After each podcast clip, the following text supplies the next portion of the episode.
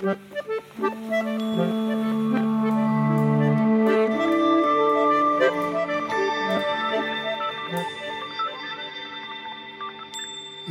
til podkasten Ytringsklima.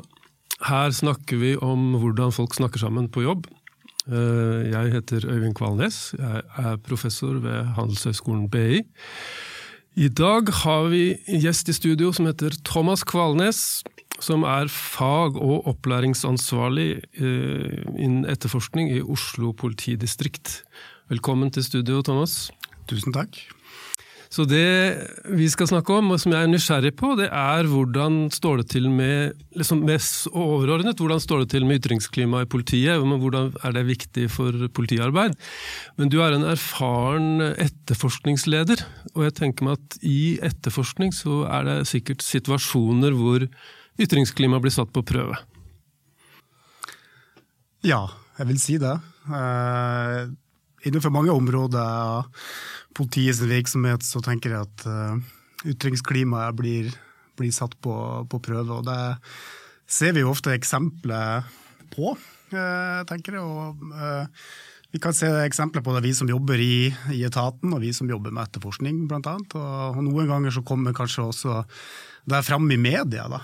Ja. Hvordan ytringsklimaet i, i, etaten vår kan, kan ha blitt satt på prøve og blitt utfordra. Nettopp. Uh, vi skal jo snakke mest om ytringsklima knytta til etterforskning, men vi har jo hatt en rusreformdebatt. Mm. Og når jeg har kikket på den fra utsiden, så har jeg hatt inntrykk av at det har vært vanskelig for politifolk å ytre seg i den saken, hvis det de sier går på tvers av det som er på en måte etablerte sannheter. da.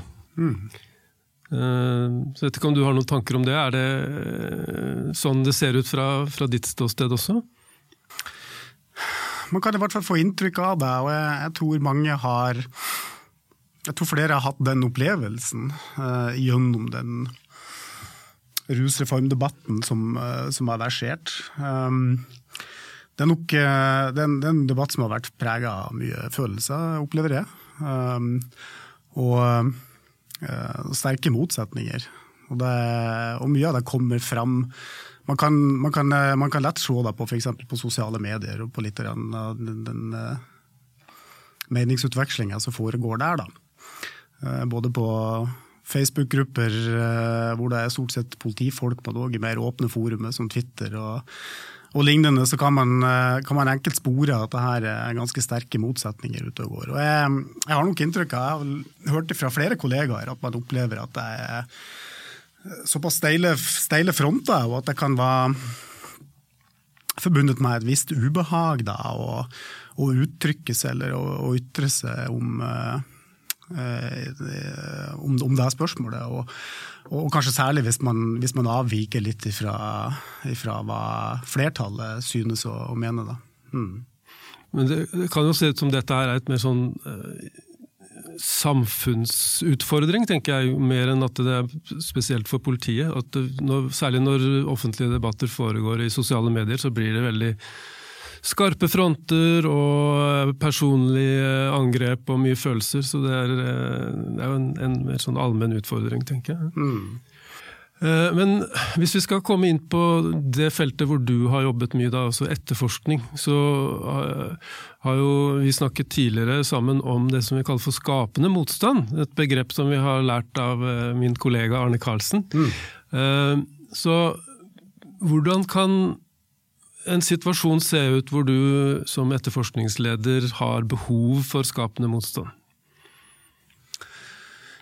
Jeg tror, um, jeg tror, du har behov for det egentlig gjennom uh, hele etterforskningen av en, av en sak.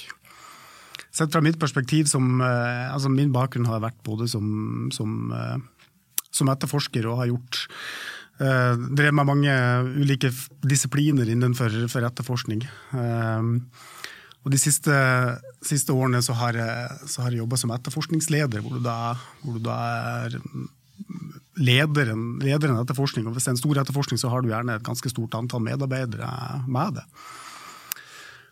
Og eh, jeg har nok, jeg har nok etter hvert sett og lært og forstått verdien av det å, å få motstand på, på, beslutninger man, man, gjerne tar, eller på, på, veivalg vi gjør i en etterforskning. På hvilke, på hvilke metoder vi vil bruke i en etterforskning, hvordan tilnærming vi skal ha på, på ulike ting. Altså, det er en hel rekke det er en hel rekke små og store problemstillinger og utfordringer du har i en etterforskning hvor, hvor det trengs å treffes eh, viktige beslutninger. Beslutninger som har stort virkeområde og som berører, berører mange. Eh, både i din egen organisasjon, altså som kan berøre de du, du, jobber sammen med, men som selvfølgelig også kan ha, ha kritisk um, betydning for, for, utfallet av saken. Og dermed, eh, dermed, både de som er berørt av saken, de, de eventuelt mistenkte i en sak, fornærmede, pårørende, vitner osv. Så, videre. så jeg tror at, at uh, skapende motstand, sånn som jeg ser det, det er, det er et, et særdeles viktig virkemiddel egentlig for å, for å, sørge for å hjelpe oss med å gjøre, gjøre mest mulig god jobb, rett og slett. Kan du gi oss et eksempel? Altså, du er i starten av en etterforskning kanskje, og samler en gruppe mennesker som skal jobbe sammen. Eh, Så kan du gå inn i et møte med en idé om hva som bør være retningen videre. Eh, men så er det ikke sikkert at det er en god idé. Hva kan du gjøre for å, for å få skapende motstand i det der eh, første møtet? Mm. Ja, jeg, tenker det. Jeg tenker ofte på etterforskning som, som mye, består av veldig mye idéarbeid. Det starter, det starter helt, helt, å begynne med i en sak. så, så stiller man gjerne spørsmål. og Man stiller gjerne spørsmål til, til, sine kollegaer. altså Er det noen som har noen idé om hvordan vi skal, hvordan skal vi løse denne saken her? Hvordan skal vi fikse det her? da? Og Der starta idéarbeidet.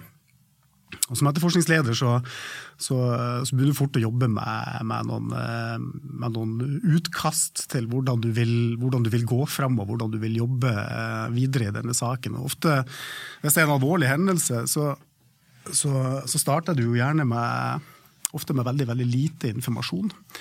Og du vil ofte oppleve at det, det haster mye. Um, og du skal du skal kanskje sette ut en del av disse ideene dine på relativt kort tid.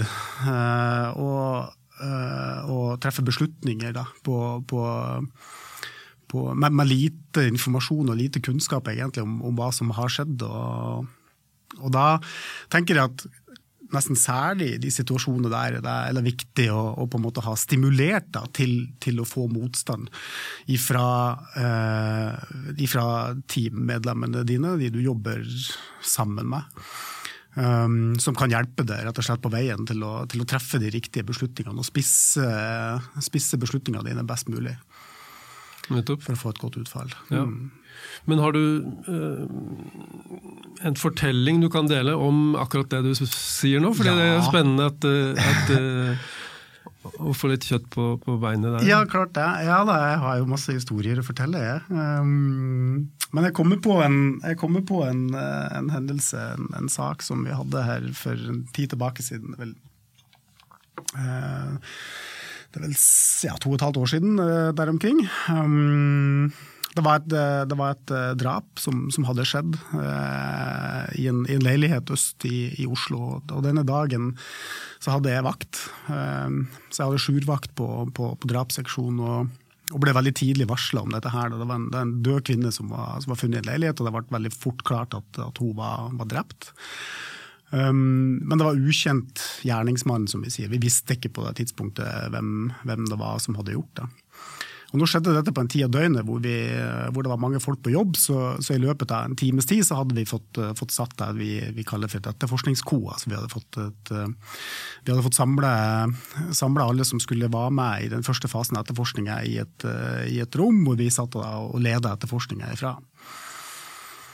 Um, og det var naturlig, naturlig, nok veldig høyt trykk, uh, som det alltid er i oppstart av en sånn sak. I, i, et, i et, ko da, så er det så mye som skjer, det er mye informasjon som skal utveksles. Det, det er høy temperatur. Um, og Um, jeg husker at uh, noen timer ut i etterforskningen, da, nå snakker vi om noen timer, dette var utpå ut på kvelden, så, så, sitter vi i ko, og temperaturen er som sagt ganske høy. og Vi, vi hadde etter hvert fått informasjon om hvem, denne, hvem gjerningsmannen kunne være. da. um, I form av i form av et uh, tips som vi begynte å jobbe med. Uh, og ettersom vi hadde jobbet med det i, uh, i, noe, i noe, tid, over et par timer, eller noe sånt, så, så, vi, så, hadde vi et ganske godt grunnlag til, for å si at dette var en person som vi mistenkte for å ha gjort det. Um, og Da satte vi i gang en del tiltak for å finne, altså lokalisere denne personen, finne ut hvor han, hvor han var. Dette var en, en mann. Um, og Eh, og denne operasjonen da med å lokalisere, lokalisere mannen og få på en måte kontroll på hvor han var hen, eh, den, den, den løp da videre utover kvelden. Og mens vi sitter der da, på litt sånn, begynte å bli litt sent utpå kvelden, så eh, plutselig så kommer det, kommer det, en beskjed inn til Co at det var et spaningslag som hadde, som hadde fått øye på han. De, de observerte han. Og han satt da på en buss og slik som vi forsto det, i hvert fall på det tidspunktet der, så var denne bussen på vei ut av landet. Um, og beskjeden fra spaningslederen da var, eller spørsmålet fra spaningslederen som gikk ganske uavkortet inn til, til, oss, det var hva gjør vi nå? Vi ser vedkommende, han sitter på en buss, hva gjør vi nå? Um, og da uh, husker jeg også at uh, veldig mange av veldig mange av øynene inne i det etterforskningskoet de ble retta mot meg. Det, og da merker jeg, merker fort at ok, nå, nå står vi for en, fremfor en veldig viktig beslutning, en tidskritisk beslutning som det åpenbart haster ganske mye med. Um, og jeg, jeg, tror jeg, ganske, jeg tror jeg er ganske sånn kort altså Jeg bruker ganske kort tid på å vurdere akkurat den informasjonen i det øyeblikket der, og, og jeg sier nok da, jeg gir i hvert fall et uttrykk for overfor resten av de som sitter i koa, at uh, vet du hva, jeg tror vi skal følge på han. Vi skal vente. Vi skal, vi skal, nå skal vi heller prøve å følge han en stund og se hva som, hva som skjer. Vi skal ikke pågripe meg med en gang.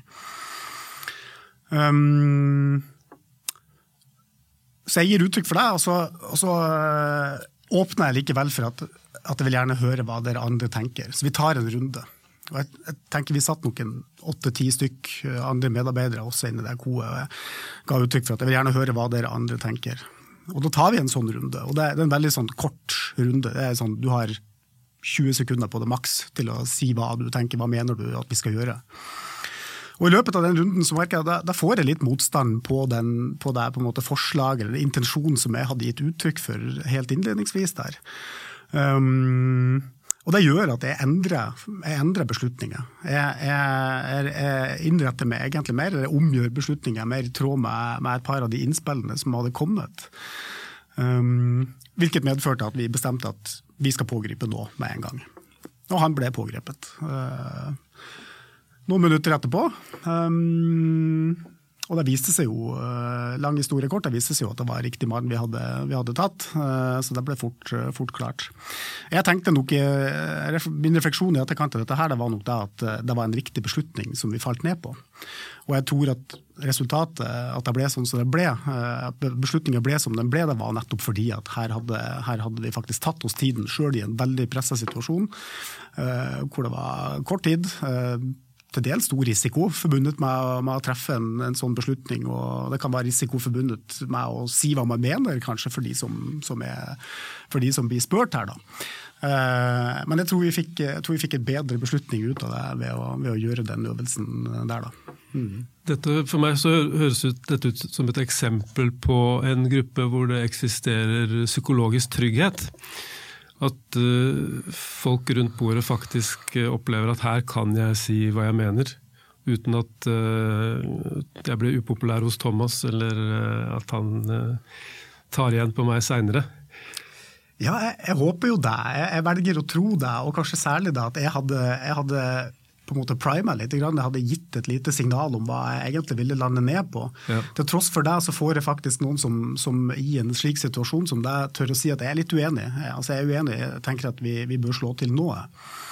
Um, så håper jo jeg og tenker at jeg, at jeg viser at uh, de medarbeiderne jeg hadde med meg i, i, på det teamet den kvelden der, de, de, følte at det var trygt å si fra. Og de, de, de følte at de sto på trygg grunn ved å, ved å, å si hva de tenkte. Da. Nettopp. Jeg tror at noen tilfeller så kan en leder åpne for en runde rundt bordet. Mm.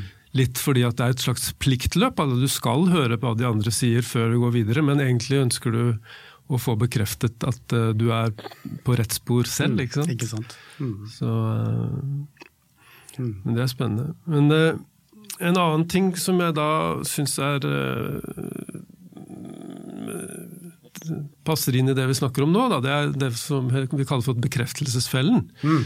Uh, og Det går jo på at uh, når vi først har gjort oss opp en mening om hvordan ting henger sammen og hvem som er forbryteren, så, så får vi litt sånn skylapper på. Og uh, blikket styres i retning av å få bekreftet den antagelsen vi har. Så hva kan du som politileder, som etterforskningsleder, gjøre for å forebygge at dere går i bekreftelsesfellen sammen? Mm.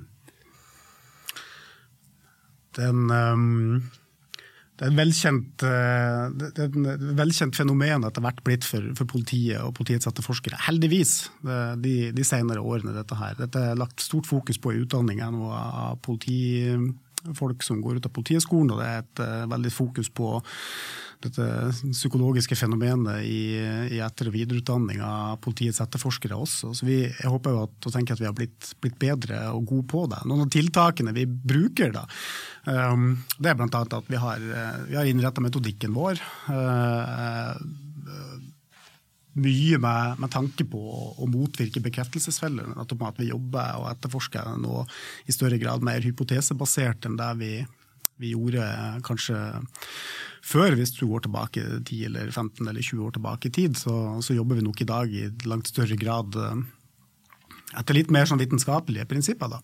Så med, med, hypotesebasert så mener du at dere gjør en antagelse, foreløpig antagelse, og ikke bestemmer at dette er sant? på en måte? Er det er det, det, du legger i ja, begrepet? helt klart. Og ja. ikke bare én antakelse.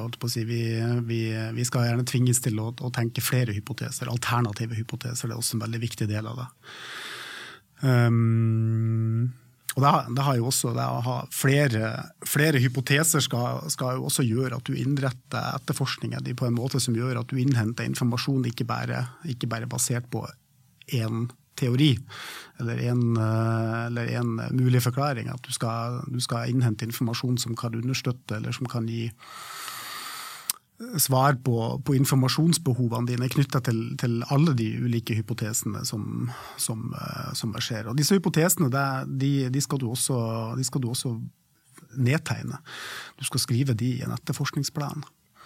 Så dette, her er litt sånn, dette er ting vi har gjort med tanke på metodikk og litt sånn prosedyrer, hvordan, vi, hvordan vi, vi, jobber for å motvirke bekreftelsesfeller. Men jeg tenker andre ting man kan gjøre, det er, det er jo også kanskje tenker jeg, å, å bruke motstand aktivt. Eh, skapende motstand, legge til rette for det. Eh, vise at, altså at du som at etterforskningsleder viser at motstand er noe du forventer, og noe du setter pris på, uh, og noe du vil ta på alvor.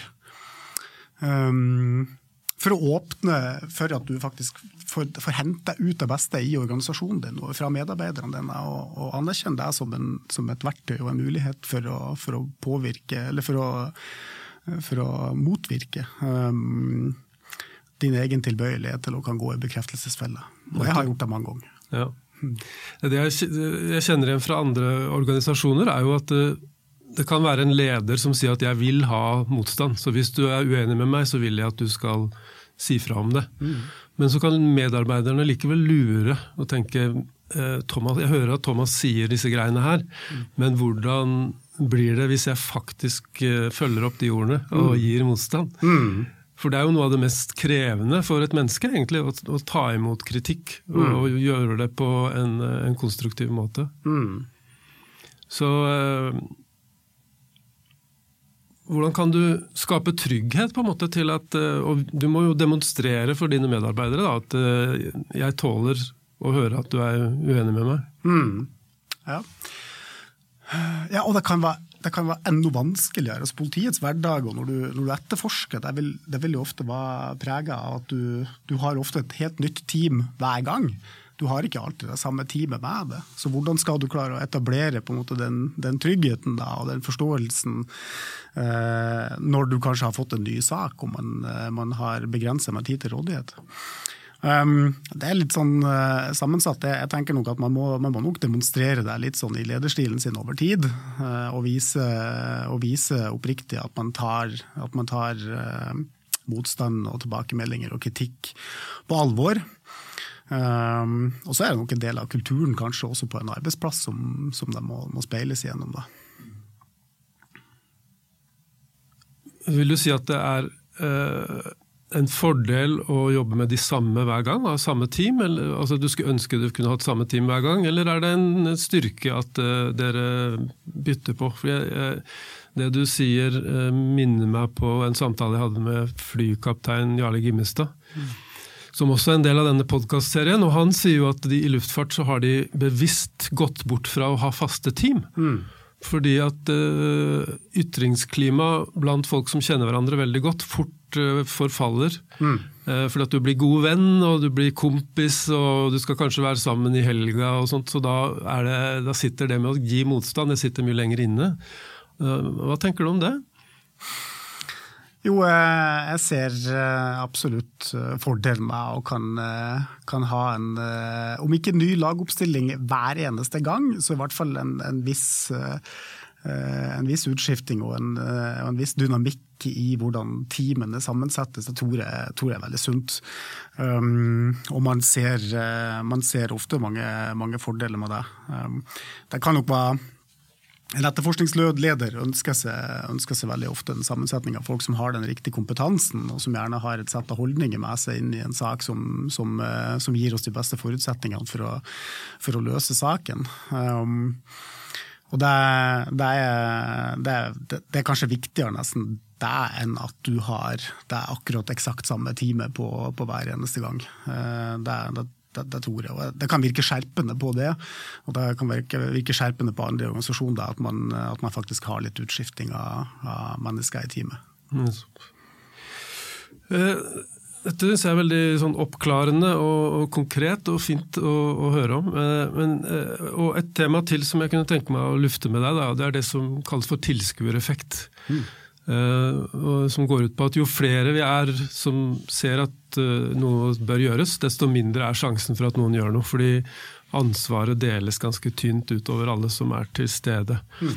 Så øh, vil du si at altså Er tilskuereffekt også noe som kan inntreffe rundt bordet når dere jobber med en, en etterforskning? Og hvordan kan du da eventuelt motvirke den effekten? Mm.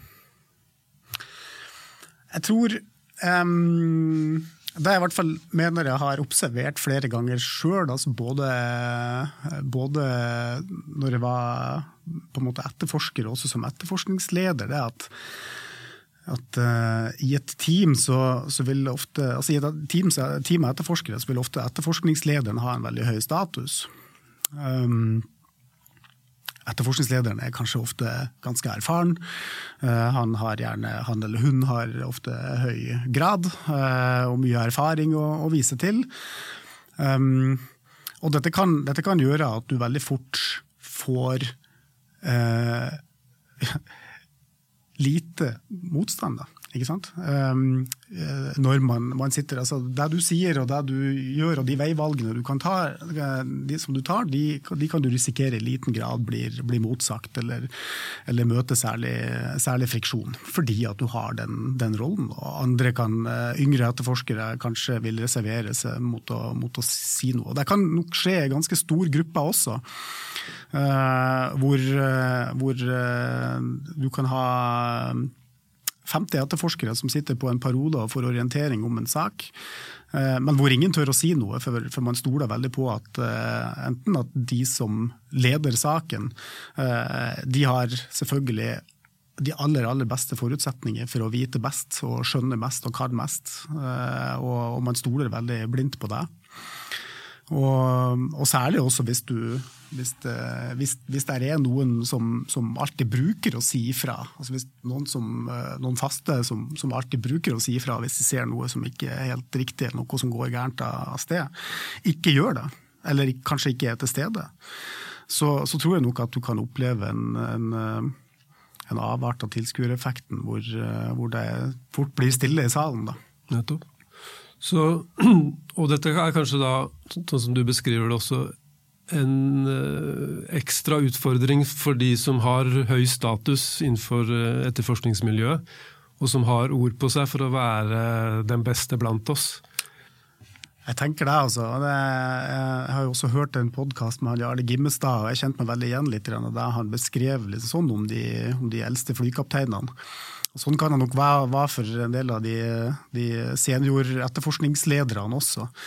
De, de, har en viss eh, sårbarhet ved at de, de, på en måte fort vil kunne ha den statusen, og, og, og kan bli feilaktig forstått å ha så mye innsikt og så mye klokskap og så mye, så mye egenskaper som de kanskje egentlig ikke har. Men, men andre kan reservere seg mot å, mot å, kanskje ta ordet da, og si fra. Og jeg har nok selv vært den etterforskeren tidligere i karrieren som, som var forsiktig med, å, med, å, med å, å, si fra noe. Jeg hadde lett for å tenke at nei, dette er noen andre som forstår og vet veldig mye bedre enn meg. helt klart. Noe av det som Gimmestad er opptatt av, er jo det at mennesker er feilbarlige vesener. Mm. Eh, og vi slutter aldri å være feilbarlige. Nei. Men uh, du kan ha en viss status i et miljø som gjør at uh, folk holder igjen og tenker at det er jo tross alt den flinkeste og mest erfarne blant oss som, som er i aksjon nå. Absolutt. Og jeg, jeg, tror at eh, det, du skal være klar over det da, når man begynner å nærme seg den statusen og man kanskje begynner å få noen grå hår. Det, det er jo nettopp det Du bør være klar over den, den effekten, ikke sant. Eh, og så bør du gjøre deg opp noen tanker om hvordan kan jeg motvirke dette. Hvordan mm. kan jeg, hvordan kan jeg komme deg i, i, møte og sikre at jeg faktisk får den, at jeg får tilbakemeldinger på, på det jeg gjør. Um, og Da er det viktig tenker jeg, hvordan du opptrer som, som, leder, og hvordan du signaliserer at du ønsker tilbakemeldinger og viser oppriktig at det er, en, at, at det er noe du ønsker. Nettopp. Og så tenker jeg eh, også i etterkant, når du har fått det du ber om, mm. At du faktisk eh, takler det på en, en god måte og, mm. og anerkjenner det. Absolutt. I en politietterforskning så, så så er det som sagt det, det, som kan være utfordrende, det er at vi ofte opererer på små marginer og har lite tid og vi har masse vi skal gjøre. Sånn at Det kan utfordre en på, i forhold til deg å, å, å, gi tilbakemeldinger. Da ser vi stadig at ofte så må vi opptre litt sånn i kommandomodus, ikke sant? hvor du nærmest står og gir ordrer og direktiver og peker ut retninger og gir veldig korte mandater og rammeoppdrag. Uh, der vil du kunne fort befinne deg, i hvert fall i en tidlig fase av en sak. Men det jeg tenker du likevel kan gjøre, det, er å, å, legge til rette for systemer hvor du likevel kan fange opp tilbakemeldinger, sjøl om det går fort. Og det, det, kan være at du kan kanskje delegere litt grann, du kan delegere ansvaret til andre. Til, eh, hvis du har delledere eh, under det, så kan du signalisere til de at, eh, at tilbakemeldinger som kommer fra medarbeidere i, i delprosjekter i denne saken, er det, det, er veldig viktig at dere tar vare på, at dere, at dere lytter til og tar med dere og gjerne noterer ned. Sørg for notoritet på det. Og Et annet tiltak kan være å, å, å legge opp til at, at, man skal skrive erfaringslogg, eller, eller, læringslogger, hvor man kan gjøre korte notater på, på, på innspill som man, man har. og så om man ikke rekker å ta, på det, og, og ta opp det akkurat der nå, nei, men da kan vi se på det senere, når, er, når røyken har lagt seg litt og vi har tid til å, til å, til å puste og, og, kanskje ta opp litt av det som skjedde tidlig inn, i en fase. Ja, dette er spennende, og jeg tenker det er relevant langt utover etterforskningsarbeid og politiarbeid. Eh, jeg tenkte vi kunne avrunde med å snakke litt om djevelens advokat. Ja. Har du noen erfaring å dele med om det? det hvordan tenker du rundt det, det å ha en bestemt person da, som skal yte motstand og har et spesielt ansvar for å, for å være litt vrang og vanskelig? Jo, jeg, jeg, tenker at det er et ganske sånn eh, Det er et eh, godt, eh, godt tiltak man kan, man kan, benytte seg av. Og dette er også i, en, i 2017 eller 2018 så publiserte også Politihøgskolen en, en, veileder for hvordan man skulle gjennomføre saksmøter i etterforskning. og Da var, var et, et, forslag og et tiltak da, for å, få, for å stimulere til motstand, det var nettopp det å utnevne en djevelens advokat. Og det har vi gjort, også i saker hvor jeg har, har vært med på. Det, det kan absolutt ha en, en effekt. Gjerne gi en en, en, i forkant av et møte f.eks. Et, et lite hint til en medarbeider som du stoler på, og som har på en måte erfaring nok og autoritet nok kanskje til å kan, til å kan ta den rollen. Eh, og be dem å være litt ekstra kritisk. Var gjerne var, var offensiv nå på, på, det som blir sagt i møtet. og, og eh, eh, ta den rollen. Um, og det, det, har jeg egentlig bare gode erfaringer med. Det, det vi har sett er at I noen tilfeller er det noen som tar den rollen veldig naturlig, og som kanskje alltid tar den, og hvis de ikke har blitt bedt om det. Uh, og det kan fortsatt være akkurat like bra, men jeg, jeg ser nok en, en, liten sånn fare med det. Det at, det at uh, Hvis denne rollen faller naturlig på en og samme person hver eneste gang, så er det to ting som kan skje. Det ene er at hvis den personen da f.eks. ikke deltar i et møte, eller ikke er våken og følger med akkurat den dagen, så kan jo det kanskje påvirke resten av teamet. Da, ved at uh, Når det ikke kommer noe fra den kanten, eller når ikke den, den andre, den, den, faste som alltid bruker å si fra, er der, eller, eller sier fra, så er art good. Da, da reagerer man egentlig ikke. Så der er noen, eh, der er noen, Man skal være litt sånn obs på det, tenker jeg. da, eh, og, og, litt forsiktig med det. Men ellers så syns jeg jo at, eh, at, tiltaket kan være godt egnet for å motvirke både bekreftelsesfeller og for å, for å stimulere til, til motstand. Mm. Dette harmonerer veldig godt med det jeg har sett og erfart sjøl rundt omkring når det gjelder det med å ha en sånn rolle som djevelens advokat. at man skal passe på at det går på omgang. Mm. For hvis eh, det er den samme hele tida, sånn som du sier, så hvis et eller annet kontroversielt er på bordet, så, så, så, skuler folk fort bort på den personen og tenker at siden hun er stille i dag, så er det sikkert greit. Nettopp. Og så blir det ikke tilstrekkelig skapende motstand i den uh, situasjonen. Mm. Så, uh, så, det er spennende. Mm. Eh, jeg tror vi skal runde av der, Thomas. Eh, tusen takk for at du kom i studio og var med og delte dine erfaringer eh, om ytringsklima. Jeg er helt sikker på at dette er inspirerende for folk langt utover politiets egne rekker. Jeg håper det. Tusen takk skal du ha. Takk.